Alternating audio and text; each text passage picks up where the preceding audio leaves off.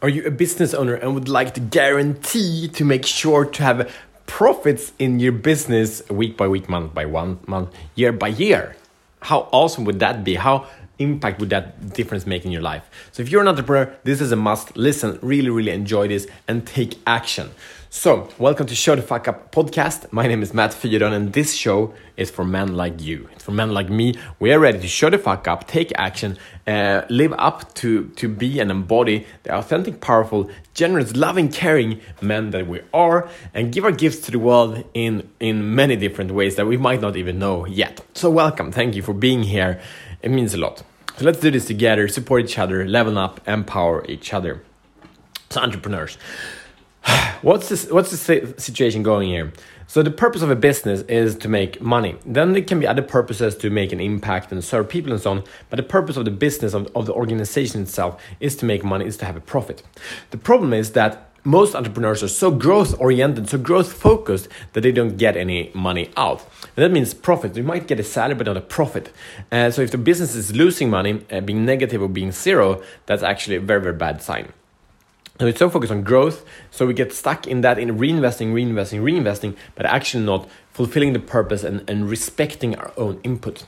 Um, so so what happens then is that I've been there myself, uh, you know, in, in the space of getting less and less motivation, get less and less inspiration because it feels like the business takes more from you than you receive back.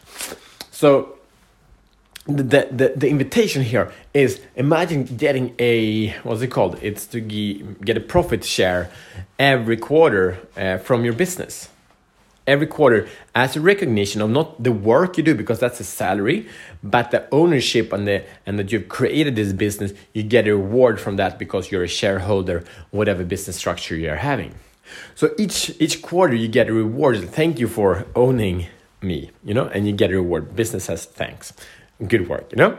How awesome would that be?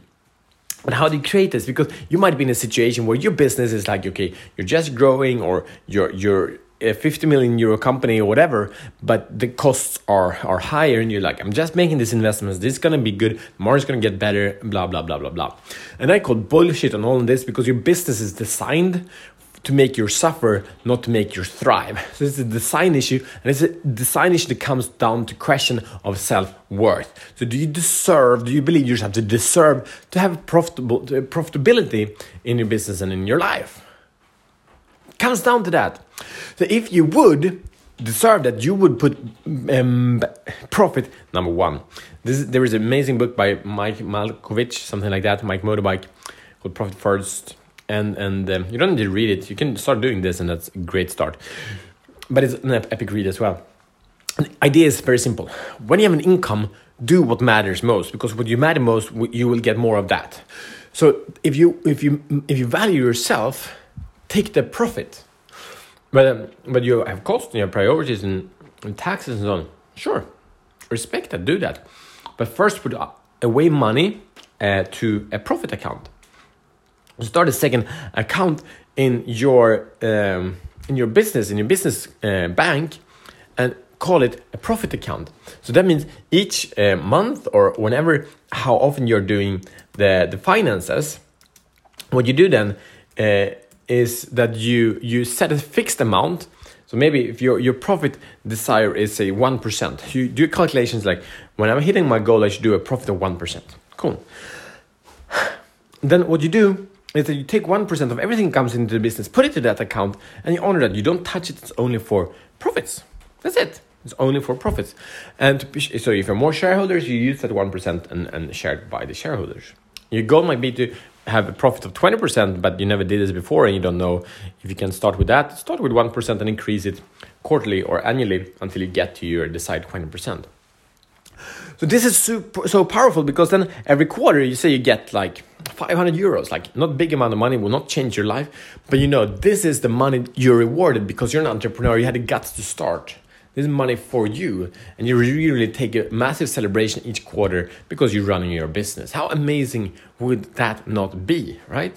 Instead, most entrepreneurs like struggling and say, ah, I wish at some point, maybe in a couple of years, I will be able to. No, you won't, because you're in a bad habit, and the habit is not paying yourself first. So pay yourself first, pay the profit. And what happens is with entrepreneurs, it's super cool. It's energy shifts, energy shifts, energy levels up completely because it gets so much fun. Here's a business, here's an exchange, here's a partnership. I'm in a relationship with a business, and this business loves me and appreciates me. We want to be in such relationships, right? Where we get at least as much as we give in. And hopefully, there's a relationship with both parties experience and everyone gets more than they, they give.